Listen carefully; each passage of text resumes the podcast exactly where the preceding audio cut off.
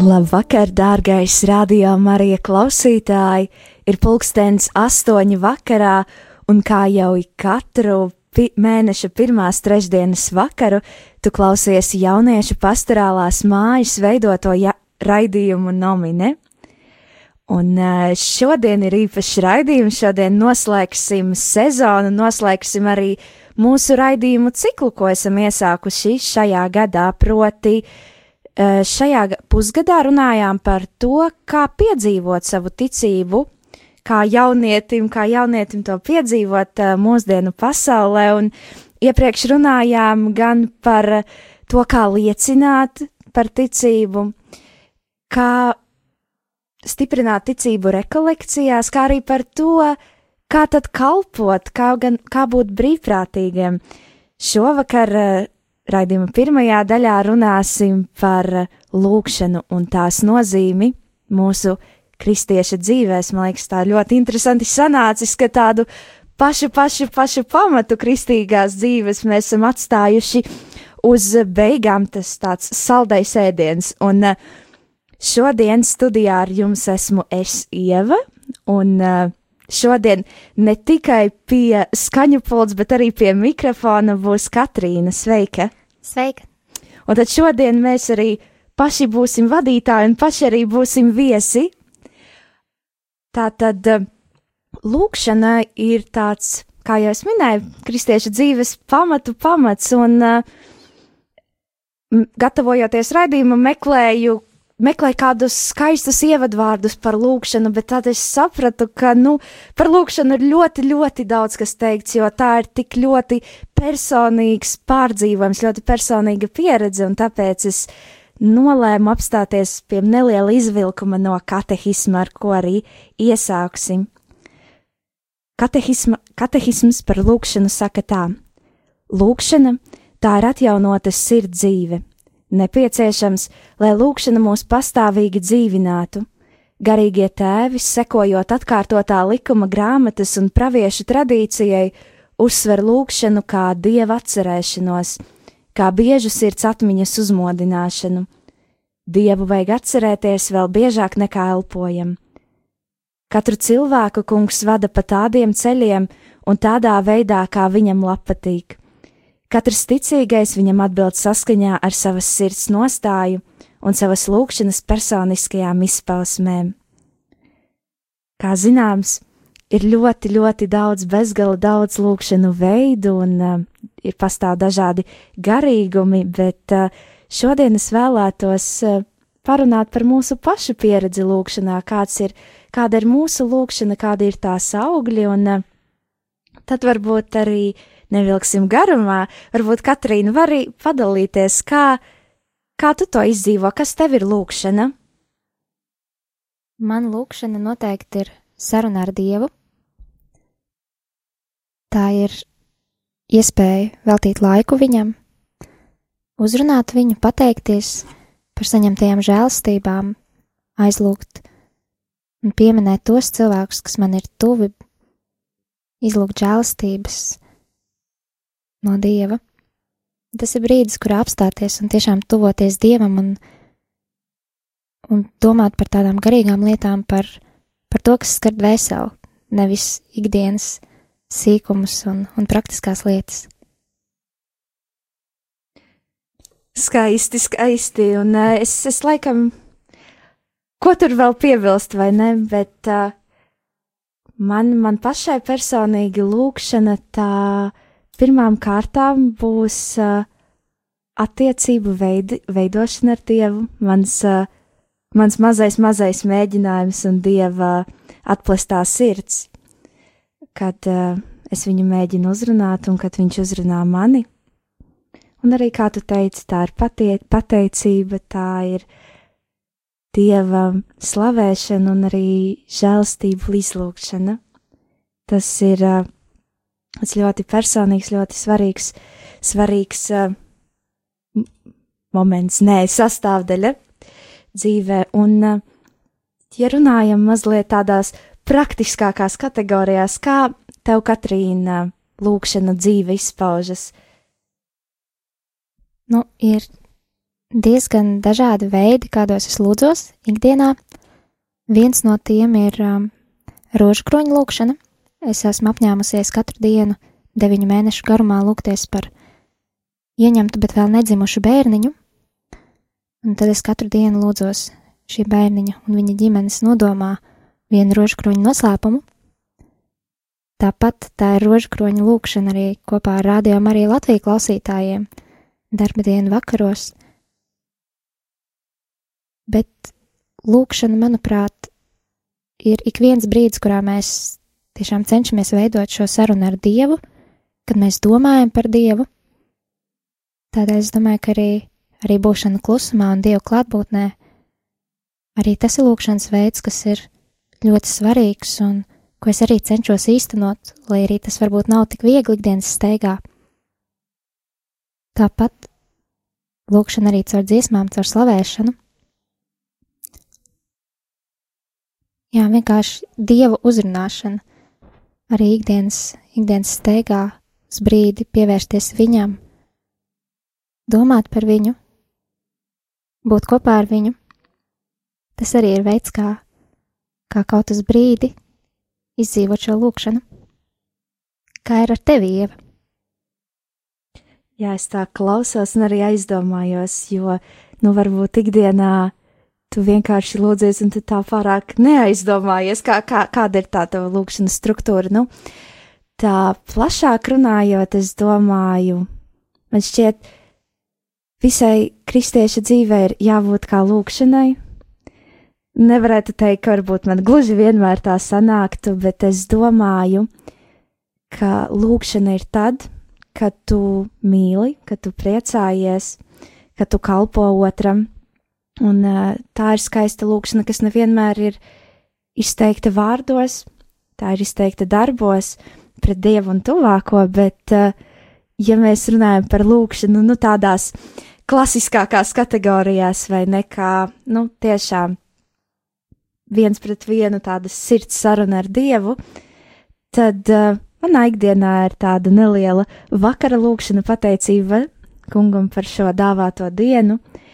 Protams, uh, iknedēļas svētā mise, kas ir, uh, kas ir, kas ir mūsu, mūsu ticības centrā, Euharistija, un uh, tāpat man ļoti uzrunā tas laiks, ko es varu pavadīt klusumā ar Dievu, vienkārši noklustot no ikdienas steigas un vienkārši esot. Man liekas, nu, man kā tādai diezgan skaļai un ekstravertai personībai tas ir uh, ļoti nepieciešams, ļoti svarīgi un, un, un uz mirkli mācīt apstāties un uh, pieklust un klausīties, nevis, nevis tikai runāt, vai ne? Un uh, man pašai, kad es arī gatavojoties raidījumam, domāju, ko tad man teikt par to, kas man ir tā lūkšana, mani ļoti uzrunā mātes Terēzes, es domāju, tādi ļoti, ļoti slavens, slavens zināms citāts, ka klusuma auglis ir lūkšana, un lūkšanas auglis ir ticība, ticības auglis ir mīlestība, Mīlestības auglis ir kalpošana, kalpošanas auglis ir miers. Es domāju, ka tas ir mūsu kristiešu dzīves ideāls, kad lūkšana, lūkšana nes mums augļus, ka tā ir, tā ir mūsu dzīve. Tas, tas ir tāpat kā mēs elpojam, vai ne? Nu, no tā visas mūsu darbības ir atkarīgas, un tad arī es tev gribu jautāt, mēs bieži dzirdam tādu vārdu salikumu baznīcā, nu, ne tikai lūkšanu augļi.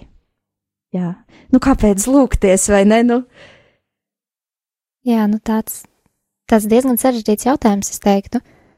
Bet tiem, kas, kas ikdienā lūdzas, es domāju, tas savukārt šķiet visai pašsaprotam, un mēs pat neaizdomājamies varbūt tik bieži par tiem, par tiem lūkšanas augļiem, bet, um, bet, protams, ka viņi ir, un viņi ir ļoti bagātīgi.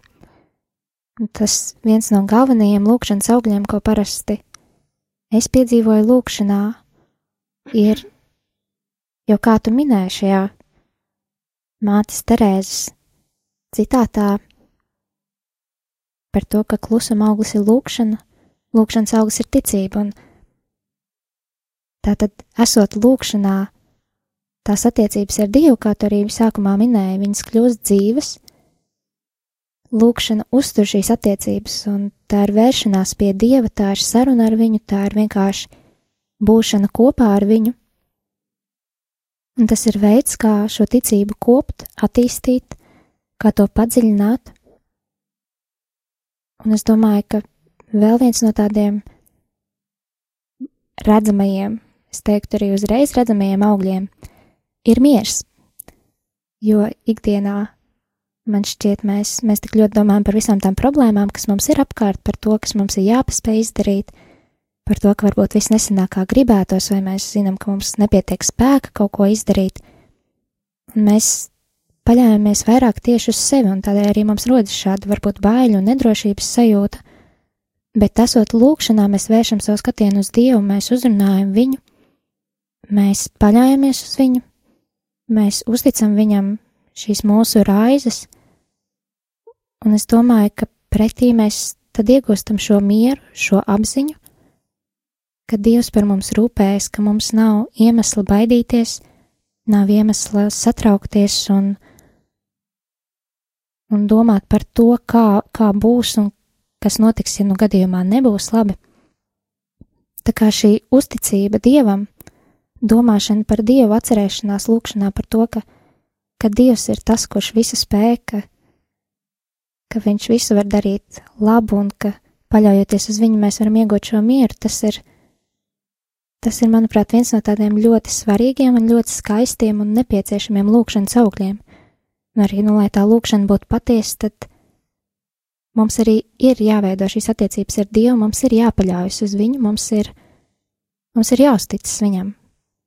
Un šie augļi tad ir tādi ļoti pilnvērtīgi un, un paliekoši un, un ļoti svarīgi, manuprāt, mūsu dzīvē. Kā ir ar, ar tevi, Ieva? Nu, es domāju, ka es tāpat kā iepriekš varētu, varu tev tikai un vienīgi piekrist, un uh, varbūt vien piebilst to, ka man, man tas svarīgākais auglis, ko es, ko es saskatu, tās ir attiecības ar Dievu. Uh, viņa pazīšana un caur to sevis pazīšana un, uh, un uh, mācīšanās no Dieva, un caur to arī seko visi pārējie lūkšanas augļi un, eh, un tā, jā, bet, eh, bet, bet pilnīgi piekrītu tam, ko tu teici. Es domāju, tu tā ļoti, ļoti skaisti to noformulēji. Bet uh, mēs, mēs tā runājam, vai ne? Lūkšana ir kaut kas tik skaists un, un, un tik svarīgs un tik brīnišķīgs, bet nu, reizēm nesanāk, vai ne?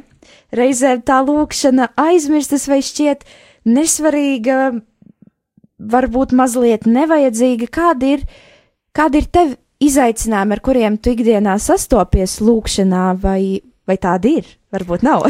Protams, ka ir, un um, jā, es domāju, ka ikdienā tiešām bieži vien tas, kas traucē, ir nu, viss pārējais apkārt notiekošais, jo lūkšanai tomēr ir nepieciešams šis klusums, šī šī doma vēršana uz Dievu, un um, to ikdienas steigā un visos darbos reizēm ir ļoti grūti tam atrast laiku un atrast vietu, atrast klusumu kādu, kādu miera brīdi, kurā, kurā būt kopā ar Dievu, būt lūkšanā. Es teiktu, ka tas ir viens no, viens no tādiem šķēršļiem, varētu teikt. Otrs varētu būt tas, ka man šķiet, ka reizēm tā lūkšana ir, teiksim tā, mēs, mēs lūkšanu cenšamies izvērtēt pēc tā, cik ļoti es lūkšanas laikā sajūtu Dievu klātbūtni, cik ļoti varbūt man bija kāds emocionāls pārdzīvojums un tā, bet es domāju, ka ne, nevienmēr tas, tas tā notiek.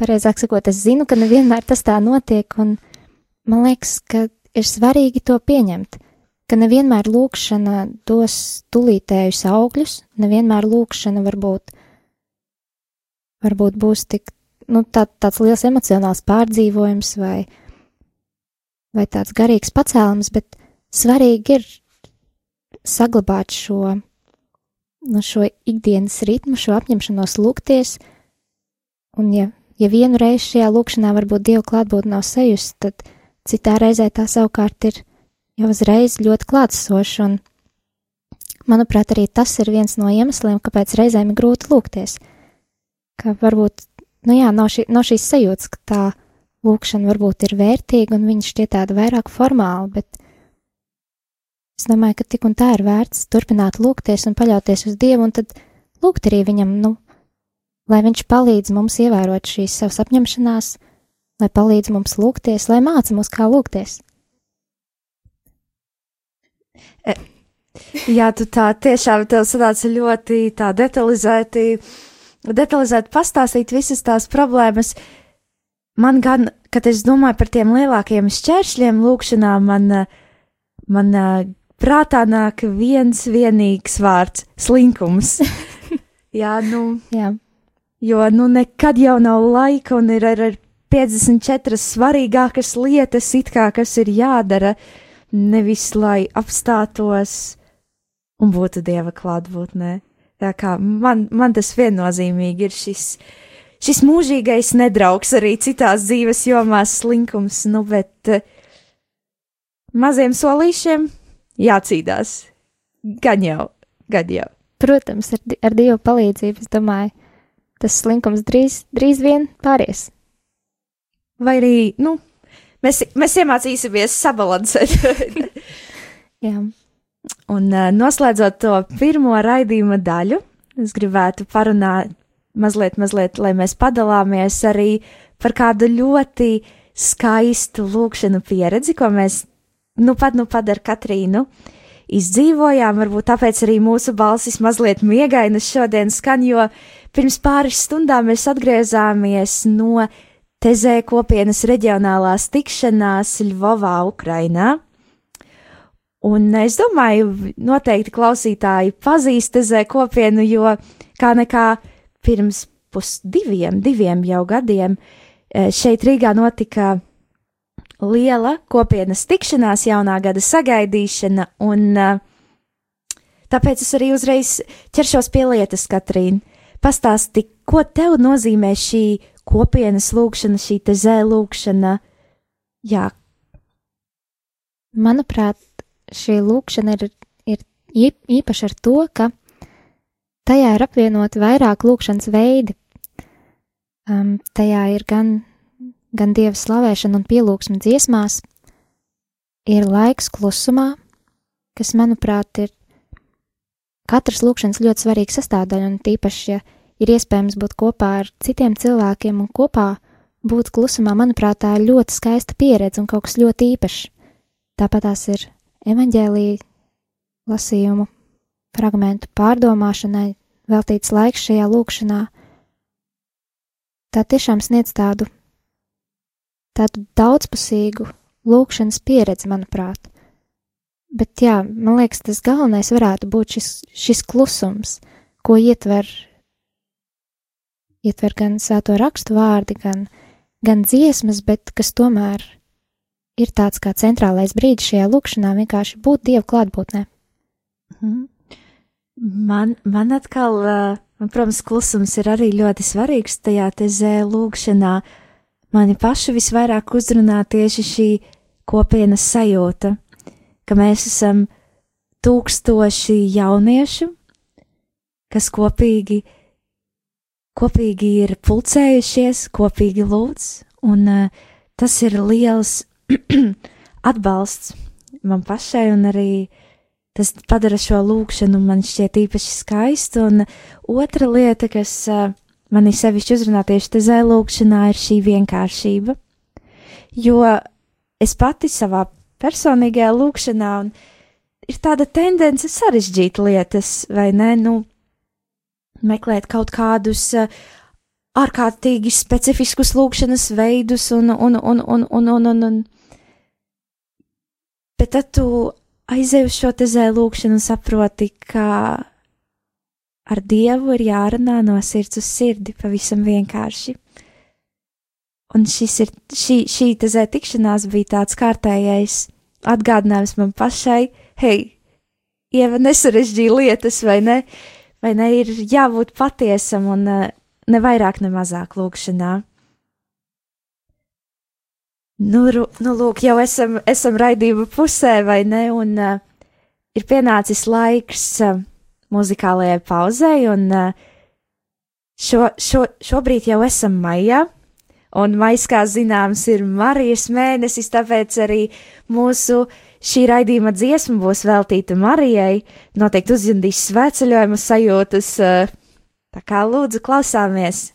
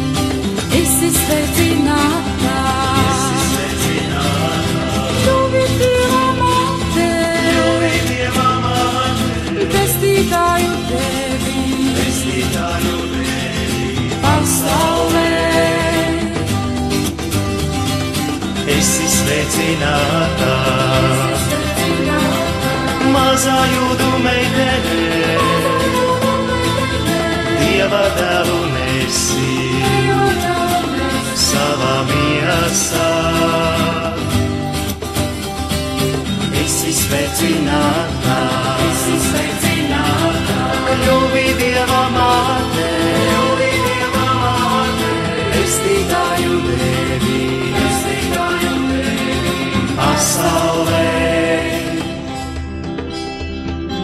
Esi sveicinātā, Esi sveicināta, esi sveicinātā, esi sveicināta, esi sveicinātā, esi sveicinātā. esi sveicināta, Esi sveicināta, esi sveicināta, esi sveicināta.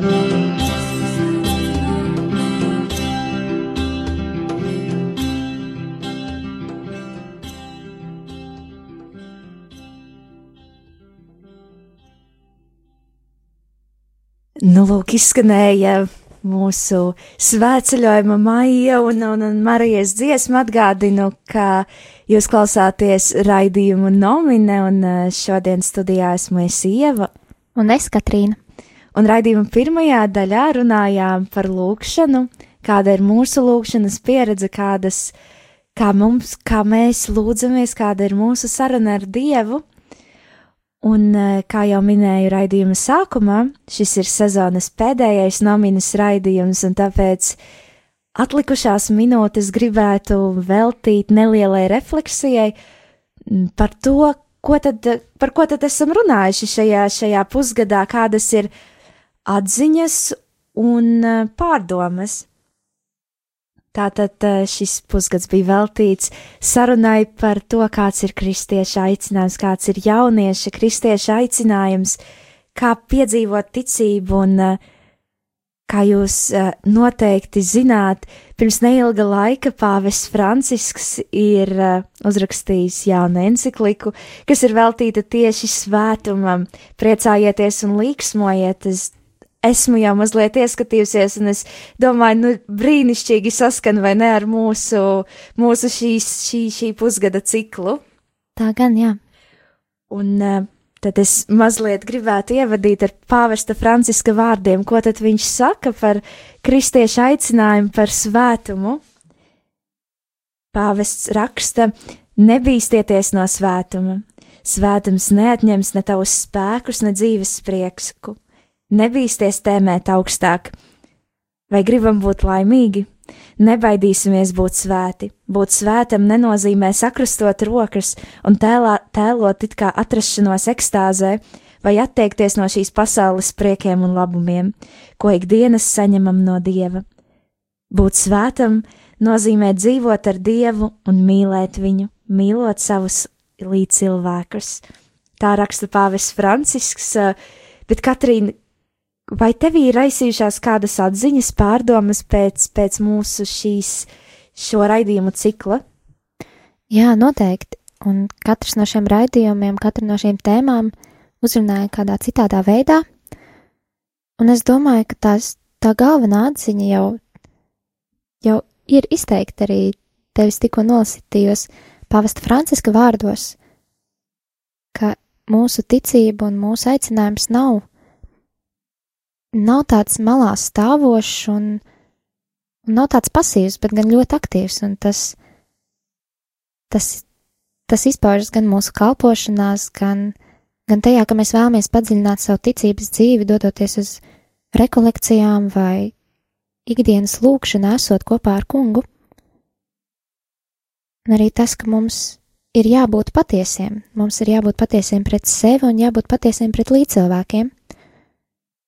Lai nebūtu tā, ka, kā man šķiet iepriekšējā raidījumā, Liena minēja, ka mēs kristiešu vidē esam viens cilvēks, uzliekam kādu noteiktu masku, un savukārt tajā vidē, kur, kur nav mums apkārt to kristiešu, tad mēs, nu, mēs aizmirstam par to, ka mēs esam kristieši un, un to kaut kā neatklājam un cenšamies noslēpt.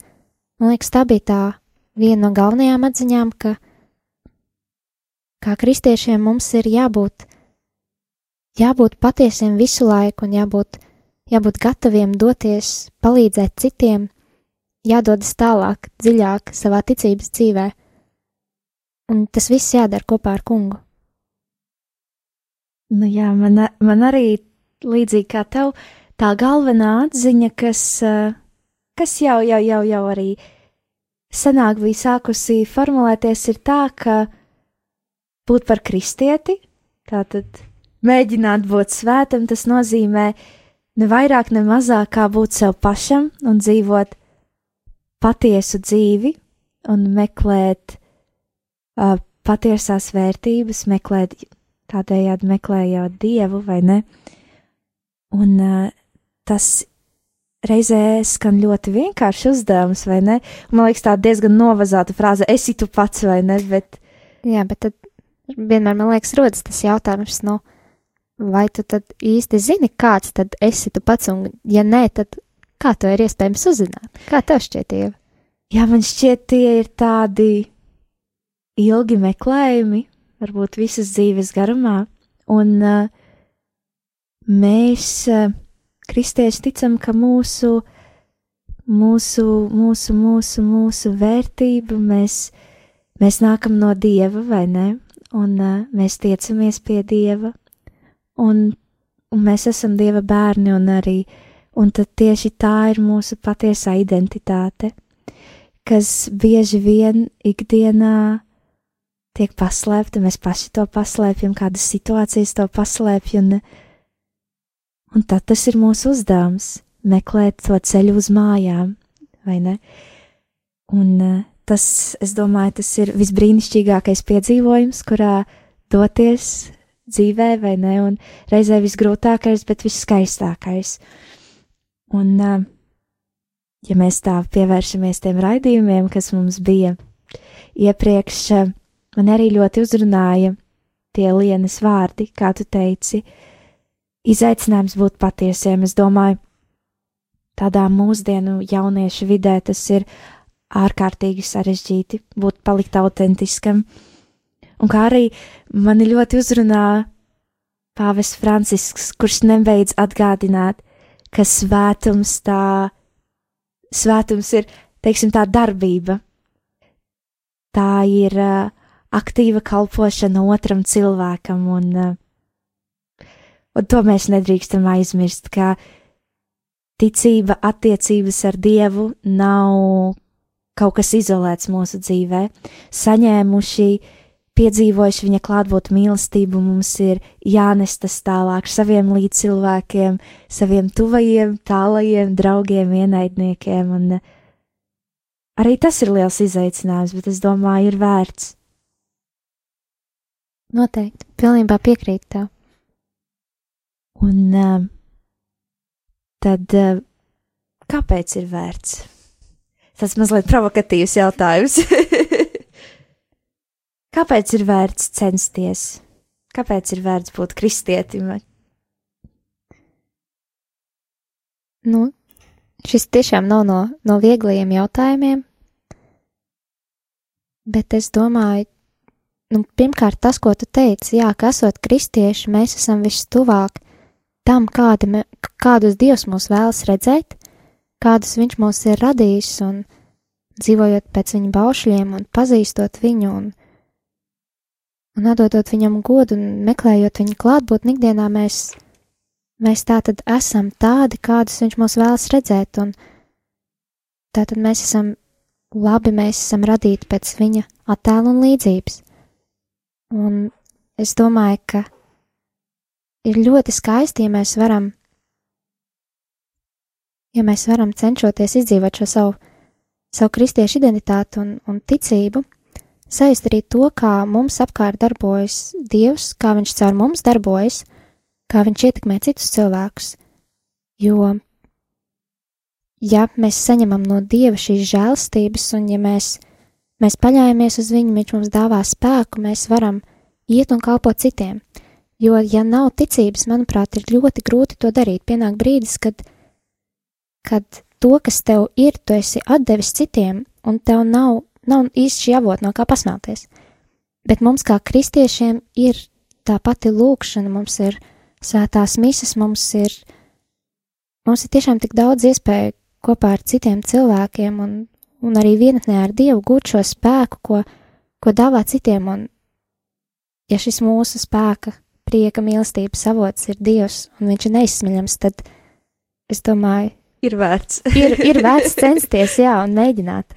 Jā, tu, tu, tu, tieši tā es arī tev varu tikai un vienīgi piekrist. Nu jau, nu jau kuro reizi, vai ne šī laika raidījuma gaitā, un uh, vēl mazliet atgriežoties pie tezē, uh, pietezē tikšanās, es gribētu arī atkārtot uh, brāļa Aloīza kopienas vadītāja aicinājumu, ko viņš izteica visiem tikšanās dalībniekiem beidzamajā lūkšanā, tikšanās noslēgumā. Es domāju, tas uh, ir vērts par to aizdomāties mums ikvienam, proti viņš teica, ka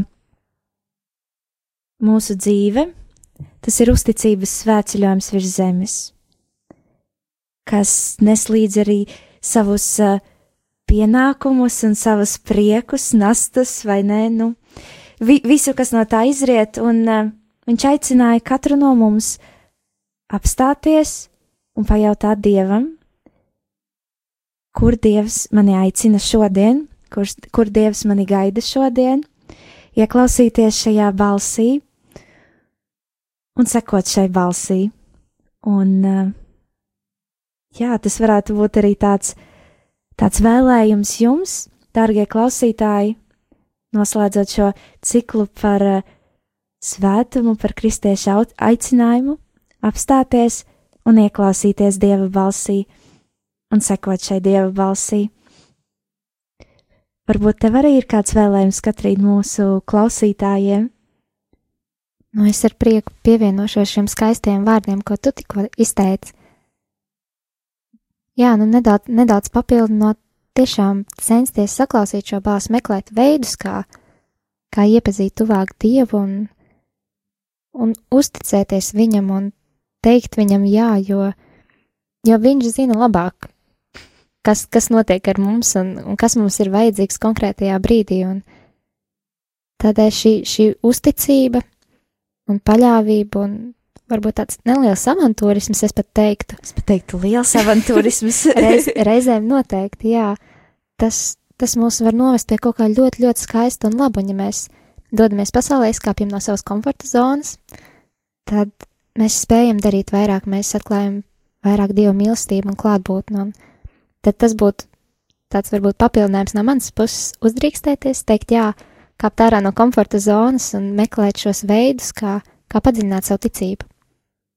Jā, un tad, nu, pašās, pašās raidījuma beigās arī runājot par šīm, šiem veidiem, kā izkāpt no komforta zonas, mēs eh, jauniešu pastorālā māja. Arī šovasar rīkosim novatnes bērniem ar īpašām vajadzībām un uh, aicinām atsaukties brīvprātīgos, kuri jūt uh, aicinājumu kalpot šajā nometnē un sīkākai informācijai. Sekojiet jauniešu pastorālās mājas Facebook profilā, kā arī māja beigās plānojam sezonas noslēgumā arī mūsu ikmēneša ģimeņu tikšanās reizēm, kurās aug bērni ar īpašām vajadzībām. Droši, droši aicinām pieteikt, pievienoties brīvprātīgos, kas grib ar mums iepazīties, ar mums sadraudzēties, un uh, baznīcā vispār šis uh, turpmākais gads ir ļoti, ļoti intensīvs un svarīgs jau, tieši jauniešiem.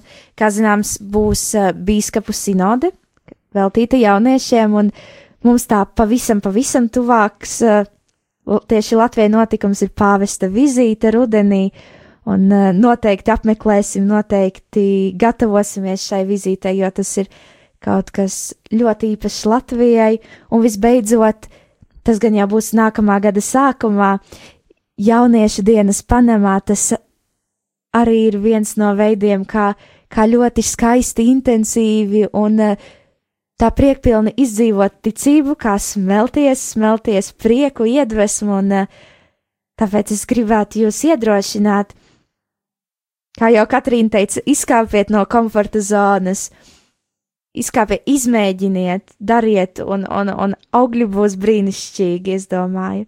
Jūs gan saņemsiet, gan, gan, gan dosiet. Lūk tā.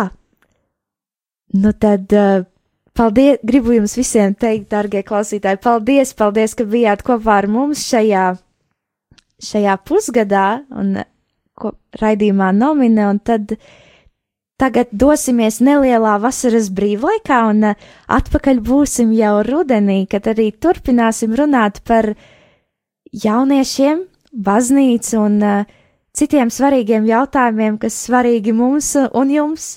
Paldies arī šodien saku Katrīnai, kas dalījās. Paldies! Tad uz tikšanās rudenī, lai skaists vakars!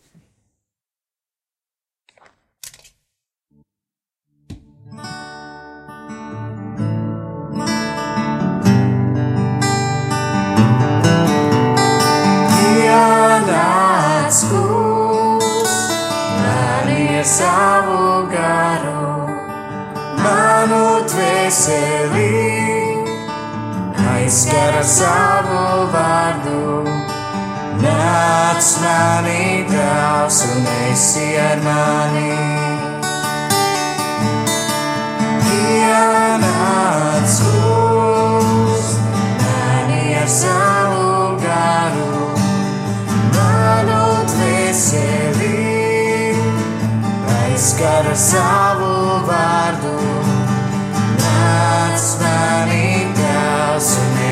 Ar mani